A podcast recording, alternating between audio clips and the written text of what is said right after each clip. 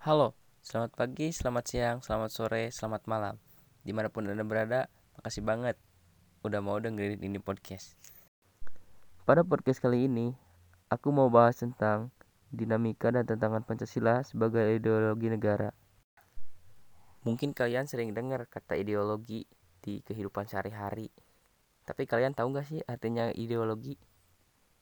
Jadi gini, ideologi itu berasal dari bahasa Yunani yang terdiri dari dua kata yaitu ideos yang artinya cita-cita, pandangan, gagasan dan logos yang artinya ilmu atau pengetahuan. Jadi ideologi itu cara berpikir berdasarkan pengetahuan. Nah, sekarang udah tahu kan pengertian ideologi itu apa?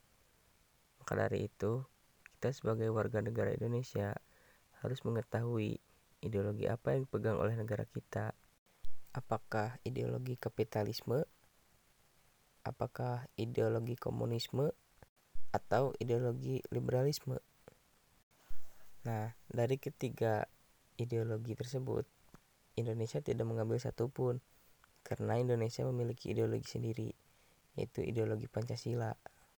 Kenapa Pancasila? Menurut buku spiritualisme karya Foki Fuad Wasita Atmaja dan kawan-kawan. Dalam Pancasila itu terkandung nilai-nilai luhur dan cita-cita bangsa Indonesia.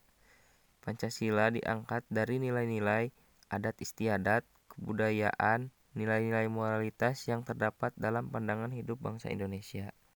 Oh iya, lupa belum perkenalan. Kenalin, aku Dimas Rifkin Rolis dari Universitas Pendidikan Indonesia, Prodi Pendidikan Teknik Otomotif.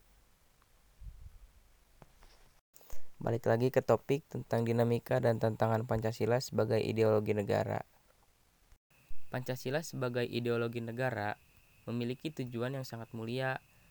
Di antaranya, satu, menghendaki seluruh rakyat Indonesia untuk memiliki sikap religius, memeluk agama sesuai dengan keyakinannya, dan taat kepada Tuhannya.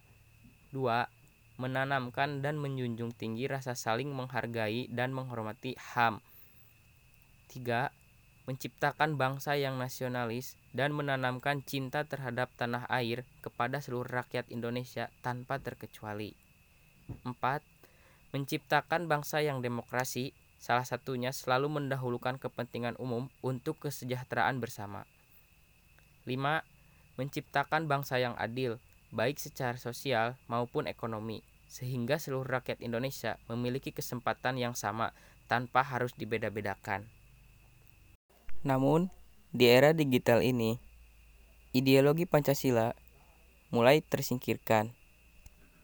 Dengan teknologi yang sangat luar biasa canggihnya, sehingga memudahkan tersebarnya berita-berita hoax yang ditelan bulat-bulat tanpa ditelusuri dari mana sumber berita tersebut.